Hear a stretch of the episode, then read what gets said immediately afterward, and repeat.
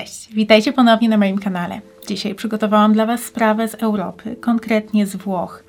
Będzie to historia o wyjątkowo tragicznych okolicznościach, ale która z tego co zauważyłam, była głośna tylko w lokalnych mediach i w internecie również można znaleźć o niej informacje praktycznie wyłącznie po włosku, dlatego liczę na to, że zdecydowana większość z Was jeszcze o tym nie słyszała. Jeśli chcielibyście poznać szczegóły historii Angeli Celentano, to zapraszam Was do oglądania. Na samym początku musimy przenieść się w okolice Neapolu, konkretnie do miasteczka Castellamare di Stabia, gdzie mieszkała rodzina Celentano. Tata Castello, mama Maria, sześcioletnia Rosana, trzyletnia Angela i roczna Naomi.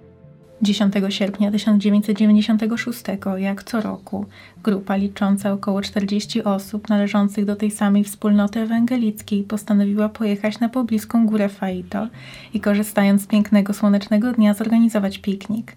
Wyruszyli około godziny 10.30. Pół godziny później dotarli na miejsce spotkania, którym miał być ośrodek jeździecki Faito. Jednak tego dnia okazał się być przepełniony ludźmi, w związku z czym postanowiono poszukać innego, spokojniejszego miejsca, gdzie dzieci mogłyby bezpiecznie się bawić. Grupa znalazła niewielką polanę na placu przed ośrodkiem. Była mniej więcej godzina trzynasta, pora obiadowa. Rodzice, siedząc przy stołach, spoglądali na swoje pociechy, które bawiły się biegając w zasięgu ich wzroku. Wśród nich była trzyletnia Angela. Katelo w pewnym momencie zapytał córkę, czy jest głodna, ale dziewczynka zaprzeczyła i wróciła do zabawy. Kilka minut później mężczyzna po raz kolejny odwrócił się w stronę dzieci, ale tym razem nie zobaczył już córeczki.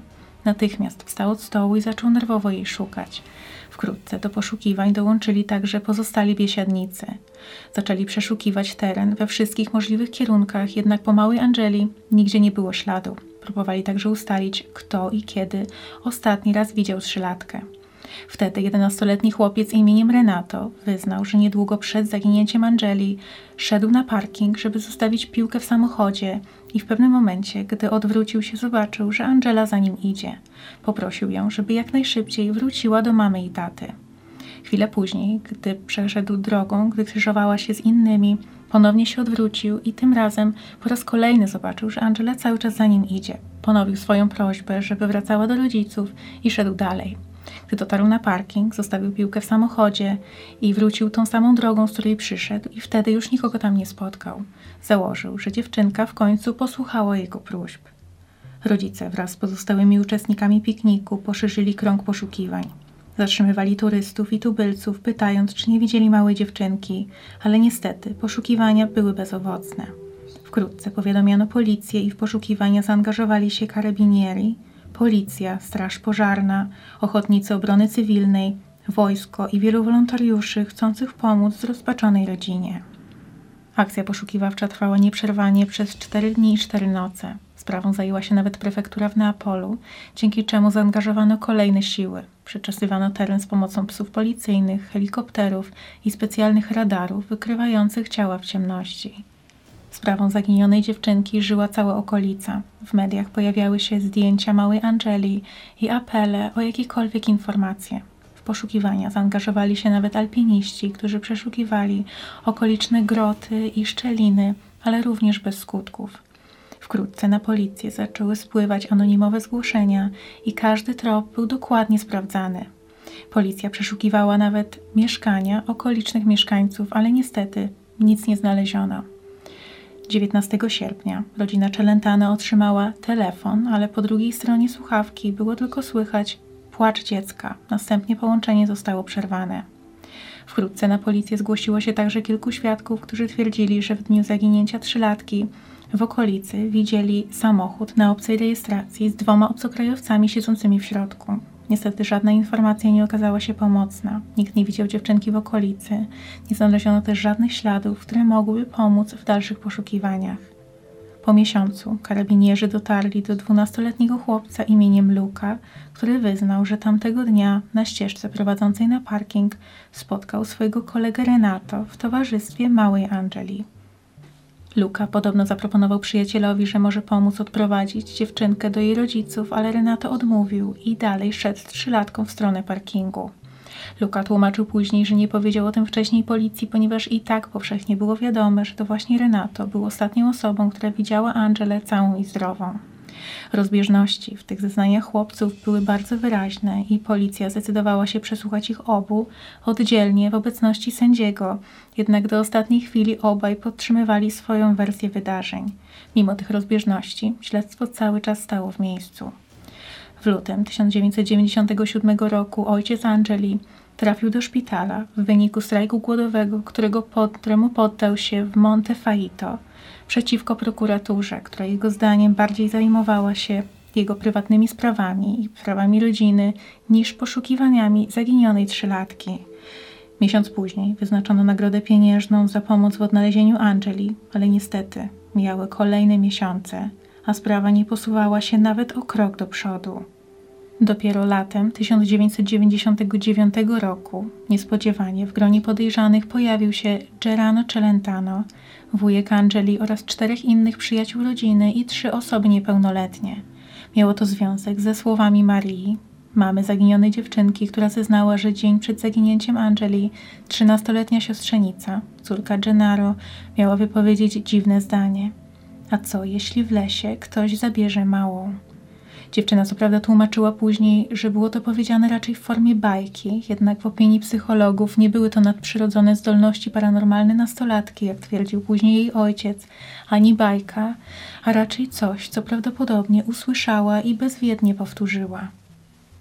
W lutym 2000 roku prokuratura umorzyła śledztwo przeciwko Gennaro Celentano ze względu na brak podstaw do dalszego procedowania – Mimo tej decyzji jednak, samo wszczęcie postępowania przeciwko mężczyźnie wiele zmieniło w jego życiu i naraziło go na ogromne nieprzyjemności.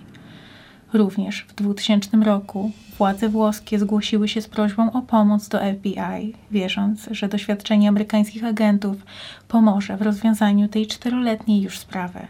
FBI wyznaczyło do tego zadania trzech swoich najlepszych agentów.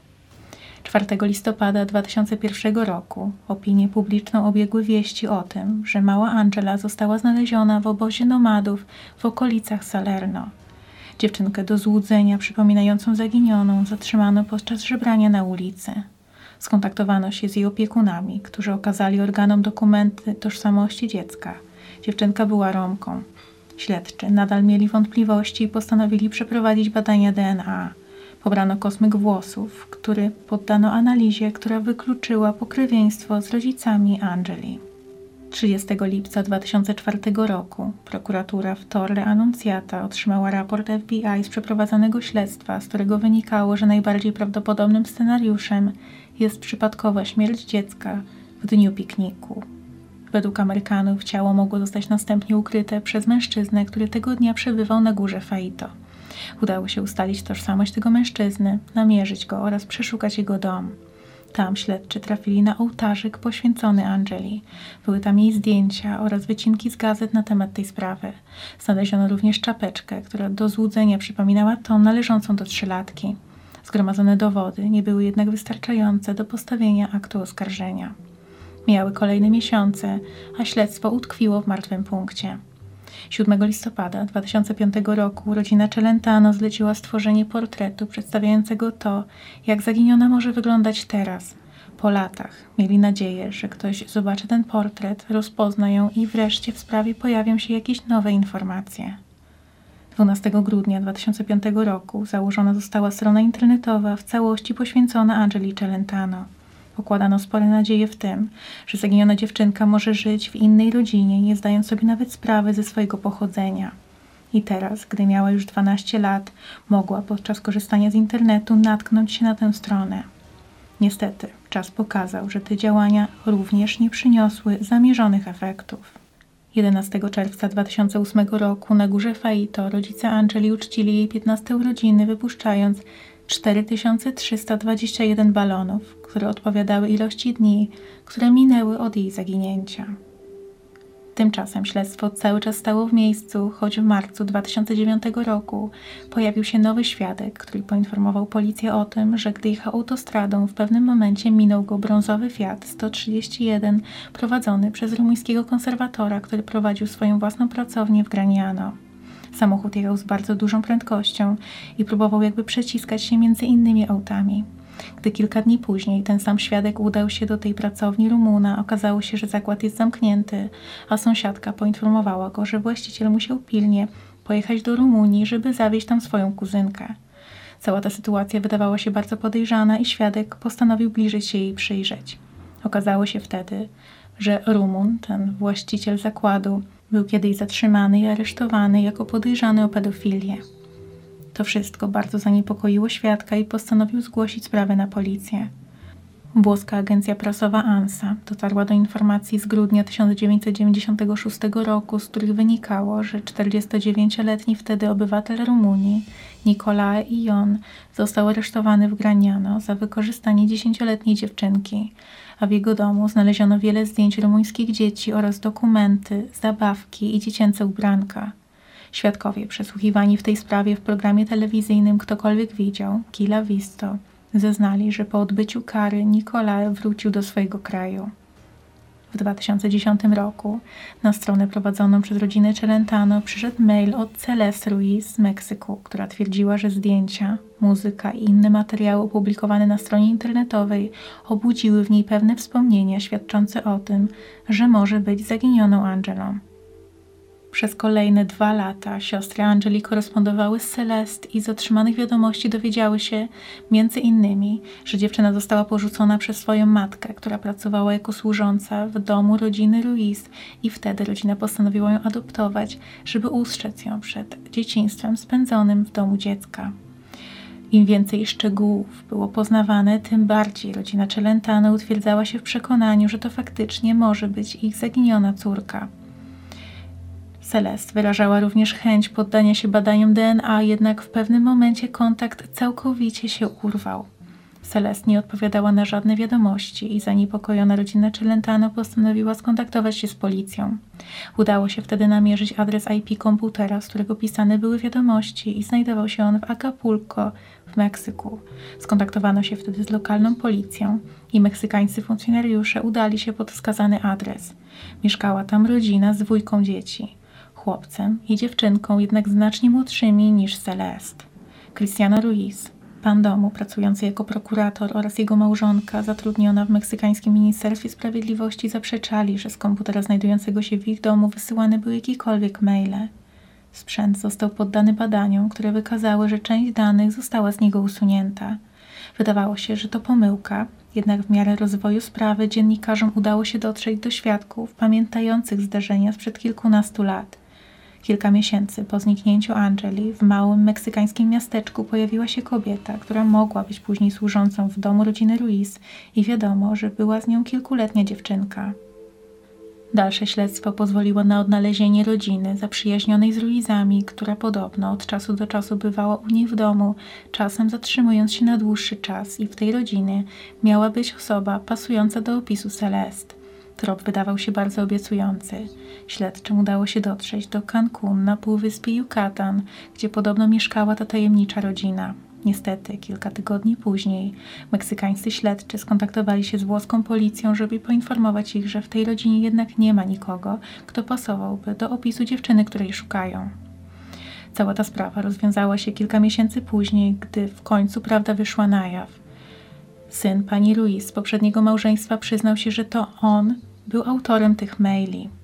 Znalazł po prostu pewnego dnia w internecie informacji na temat zaginionej Angeli, postanowił poszukać zdjęć dziewczyny, która pasowała do jej wyglądu, tylko była trochę starsza, i skontaktować się ze zrozpaczoną rodziną. Chłopak nie był w stanie powiedzieć, co skłoniło go do tak okrutnego żartu. W międzyczasie jeszcze do włoskiej policji zgłosiła się młoda kobieta o imieniu Brisja, pracująca jako psycholog, która przyznała, że na opublikowanym zdjęciu Celest rozpoznała siebie, że to zdjęcie należy do niej i zostało wykradzione z Facebooka. Kobieta okazała się być mieszkanką Paryża i tłumaczyła, że o sprawie dowiedziała się niedawno od swojej meksykańskiej przyjaciółki, która zobaczyła zdjęcie w lokalnej prasie i z obawy, że chodzi o jej koleżankę z Francji, postanowiła natychmiast się z nią skontaktować. Brisja później nawiązała kontakt z policją, żeby pomóc rodzinie zaginionej dziewczynki. Pobrano od niej próbki DNA, dzięki którym wykluczono jakiekolwiek pokrewieństwo z zaginioną Angelą Celentano. Tym samym wątek meksykański w tej sprawie został ostatecznie zamknięty. W jednym z wywiadów Bricia przyznała, że sama jako matka nie potrafi wyobrazić sobie okrucieństwa osoby, która byłaby w stanie wykraść czyj wizerunek, tylko żeby w tak perfidny sposób oszukać cierpiącą rodzinę i rodzeństwo. Przed swoim powrotem do Francji kobieta postanowiła spotkać się z rodziną Celentano, żeby z nimi porozmawiać, dodać im otuchy oraz przeprosić za całą tę zaistniałą sytuację, mimo że całkowicie nie było to z jej winy. Sprawa Angeli Celentano nie przestała fascynować opinii publicznej, śledczych oraz mediów. Mimo upływu czasu, co jakiś czas cały czas pojawiają się nowi świadkowie z kolejnymi rewelacjami. Od jakiegoś czasu ze sprawą kojarzona jest również Vincenza Trentinelli, prowadząca organizację non-profit o nazwie Przyjaciele Przebudzenia, która opiekuje się ludźmi w śpiączce. W wywiadzie dla tygodnika Kronaka Vera wyjawiła, że została wtajemniczona w szczegóły historii Angeli przez kogoś ważnego, kto w tajemnicy ujawnił, gdzie i dlaczego znajdowała się dziewczynka, ale ponieważ zwierzył się jej również w innych sprawach, początkowo nie przywiązywało do tego większej wagi. Zresztą wkrótce ta osoba zmarła. Jednak kolejne spekulacje na temat zaginionej Angeli skłoniły ją do odwiedzenia miejsca wskazanego przez zmarłego.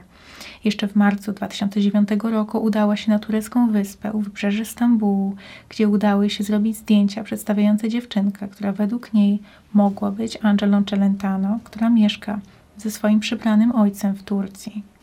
Zaraz po powrocie Vincenza złożyła doniesienie do prokuratury w Neapolu, jednak nie zostało ono potraktowane poważnie. Kobieta nie miała zamiaru dać za wygraną i postanowiła opublikować swoje odkrycia oraz zdjęcia za pomocą różnych portali internetowych. Wtedy jednak w tej sprawie pojawiło się już tak wiele różnych tropów, że nikt nie sądził, że ta teoria to może być faktyczne rozwiązanie tej zagadki. Sama rodzina Celentano również bardzo sceptycznie podchodziła do odkryć kobiety, nie chciała jej wysłuchać, a ostatecznie nawet oskarżyła ją o zniesławienie. Wszystkie publikacje Vincenzy spotykały się z negatywnym odbiorem. Dostawała pogróżki i polecano jej, żeby zniknęła na zawsze z mediów. Ona sama przyznała, że była zaskoczona taką reakcją, ponieważ sądziła, że jej teoria jest poparta zdjęciami i zeznaniami świadków. Do dziś Vincenza Trentinelli regularnie podsyca media nowymi informacjami. Stosunkowo niedawno w sieci pojawił się nawet filmik, w którym mocno krytykuje ona rodzinę Celentano i ich prawnika. Adwokat rodziny, mecenas Ferrandini, odniósł się do tych oskarżeń we włoskim programie telewizyjnym Ktokolwiek Widział, autorstwa Federiki Schiarelli. Twierdził, że kobieta atakuje rodzinę wypowiadając serię bzdur, a turecki wątek został przez nią najzwyczajniej wymyślony. Podobnie jak turecki adres pobytu dziewczynki, który okazał się być adresem ratusza. W marcu 2020 roku śledztwo w sprawie Angeli Celentano zostało oficjalnie zamknięte. Od czasu jej zaginięcia minęło już 25 lat i mimo wielu wątków i poszlak sprawa pozostaje nierozwiązana. Choć wiele osób, przede wszystkim jej rodzina, wierzy, że będzie im jeszcze dane spotkać kiedyś Angelę. Strona internetowa poświęcona tej sprawie jest cały czas aktualizowana o informacje, których teraz jest już niestety niewiele, oraz portrety tego, jak dziewczyna może wyglądać teraz po ćwierć wieku. Dajcie mi proszę znać, czy słyszeliście o tej sprawie. Zakładam, że wśród Was mogą być osoby, które mieszkają we Włoszech, a tam ta historia była naprawdę głośna. Także jeśli wiecie coś jeszcze, o czym dzisiaj nie powiedziałam, to koniecznie dajcie mi znać w komentarzach. A jeśli macie propozycje, o jakich innych sprawach mogłabym powiedzieć w kolejnych odcinkach z tej serii, to także napiszcie to w komentarzach lub wiadomościach na Instagramie. Zachęcam Was również do obserwowania mnie właśnie na Instagramie. A teraz bardzo dziękuję Wam za oglądanie i do zobaczenia. Cześć!